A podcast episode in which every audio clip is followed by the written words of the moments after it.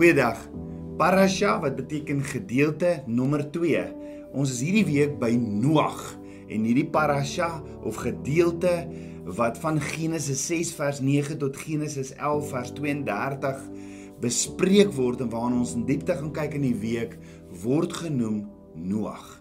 Eh, die hele week wat ons bestudeer, sien ons in die Torah van Genesis 6 vers 9 tot Genesis 11 vers 32, dan in die Haftarah, die tweede gedeelte in die Ou Testament, die profete, Jesaja 54 vers 1 tot Jesaja 55 vers 5, dan in die Nuwe Testament, die Pradesha, 1 Petrus 3 vers 18 tot 22 en Lukas 17 vers 20 tot 27 en Matteus 24 vers 36 tot 39.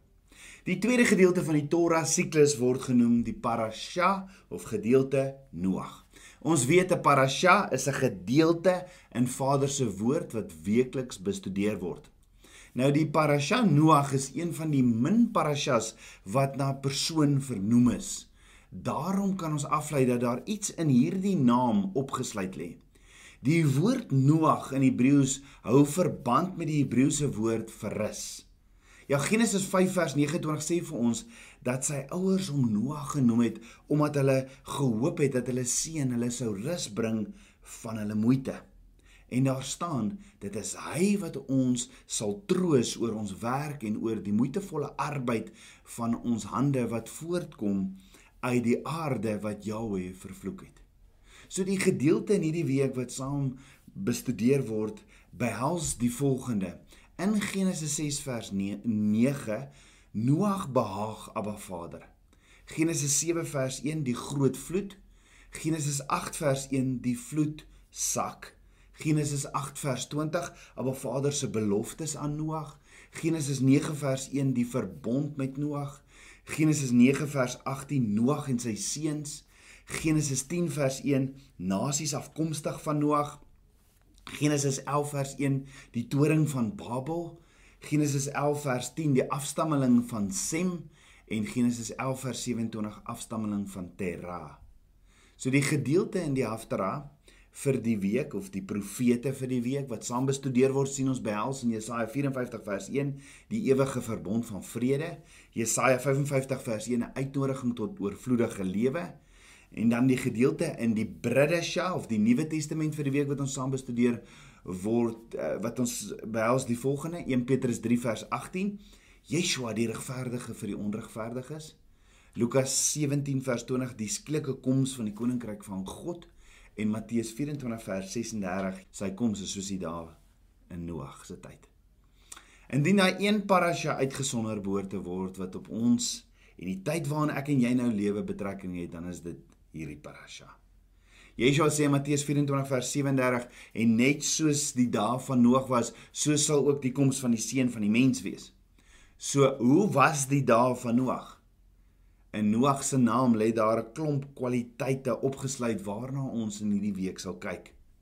Nou Noag het 'n groot rol gespeel in Abba Vader se verlossingsplan op aarde. En hoor gou-gou, Noag het 950 jaar op aarde gewandel.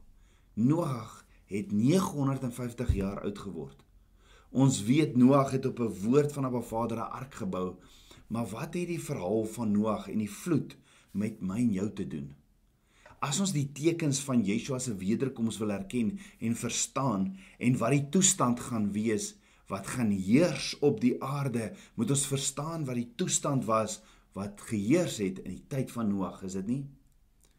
Om ons te help, het Abba Vader vir Moses geïnspireer om 'n lang reeks van kronieke van die beskrywing van die dae van Noag vir ons te skryf. Hierdie kronieke is nie geskryf vir Noag of vir Moses nie. Dis geskryf vir my en jou. Ja, Abba Vader wil hê ons moet Noag en die scenario van die profetiese eindtyd waarin hy geleef het sien deur sy oë. So wie is die man Noag? Deur Abba Vader se oë. Jy sien die inligting wat ons kry oor Noag en Abba Vader se woord beskryf nie die manier hoe Noag homself gesien het of hoe sy familie hom gesien het nie. Nee. Die perspektief in die woord verskaf wat vir ons verskaf word deur die woord uh, hou aangaande Noag is is glad nie menslik nie, maar is goddelik. Is uit Abba Vader se oë. Abba Vader vertel vir ons hoe hy Noag gesien het deur sy oë van genade. Noag was uit die geslag van Adam se derde seun Set. En voor ons in diepte na Noag kyk, wil ek net so oomblik stil staan by Noag se oupa grootjie Henog. Die woord sê Henog het saam met saam met Abba Vader gewandel en was opgeneem in die hemel omdat hy Abba Vader behaag het. Hoor gou wat sê Hebreërs 11 vers 5 tot 6 van Noag se oupa grootjie. Deur die geloof is Henog weggeneem om die dood nie te sien nie en hy is nie gevind nie omdat God hom weggeneem het want voor sy wegneming het hy getuienis ontvang dat hy God behaag het. En sonder geloof is dit onmoontlik om God te behaag, want hy wat tot God gaan, moet glo dat hy is en 'n beloner is van die wat hom soek. Hoor gou weer. Sonder geloof is dit onmoontlik om op 'n Vader te behaag.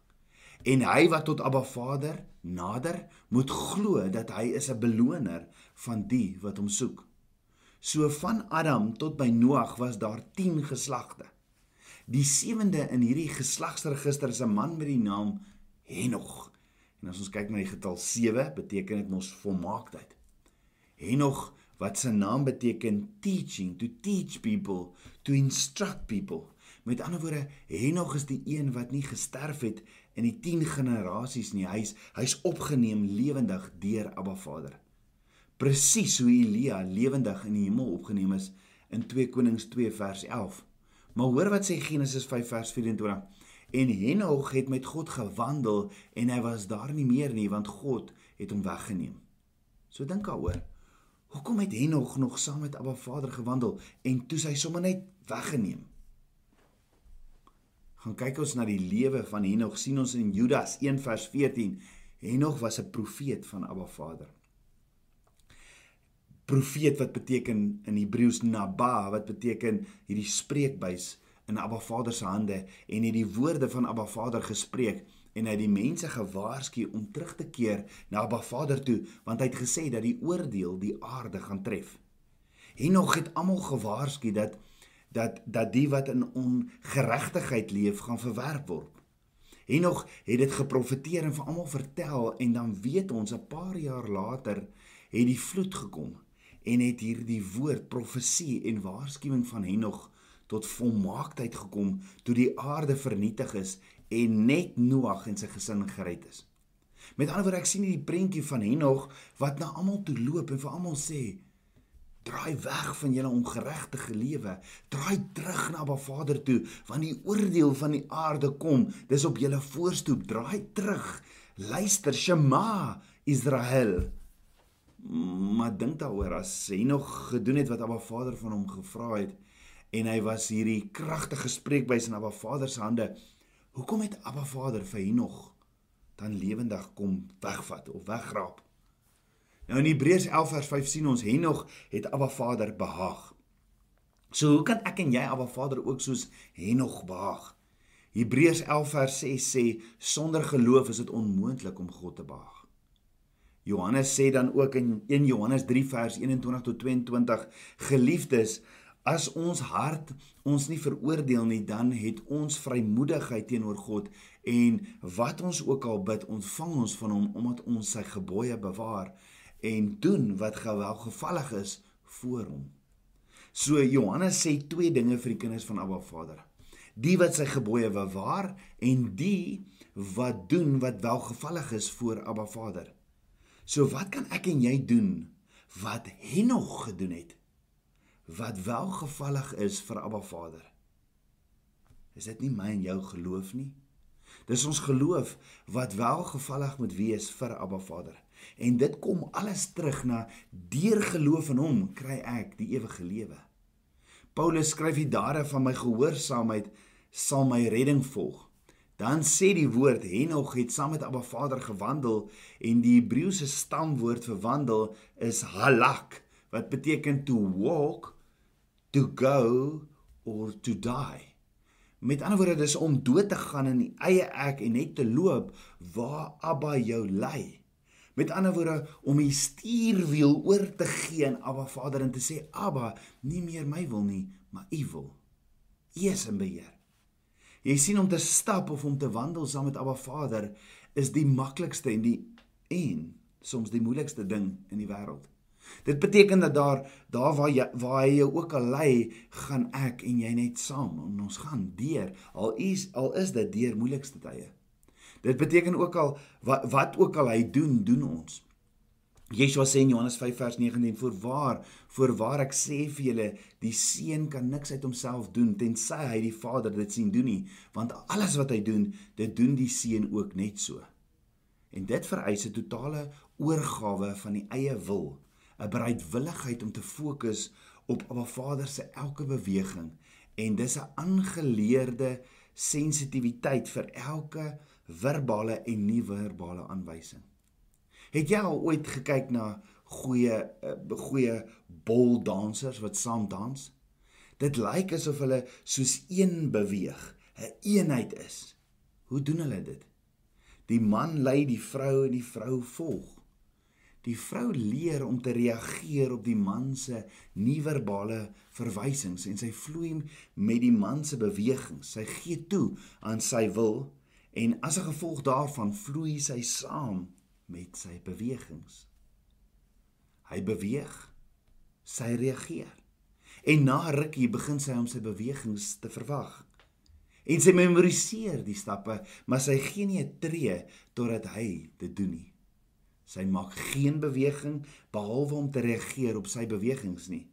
En is dit nie hoe dit is om saam met Abba Vader te wandel nie? Wat van my en jou gaan gaan ek en jy dit doen? gaan ons vandag op die danssaal se vloer staan en sê Abba hier is ek. En hom toelaat om my in sy arms te neem dat ek op sy voete kan klim.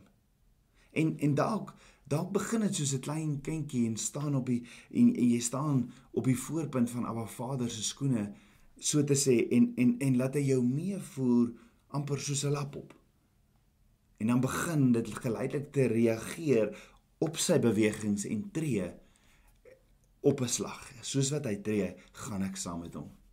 Wanneer jy die wanneer jy begin om die musiek van die skepping te hoor speel, dans, ja, dans weer saam met jou Abba. Laat toe dat hy jou lei en gee alles oor aan hom.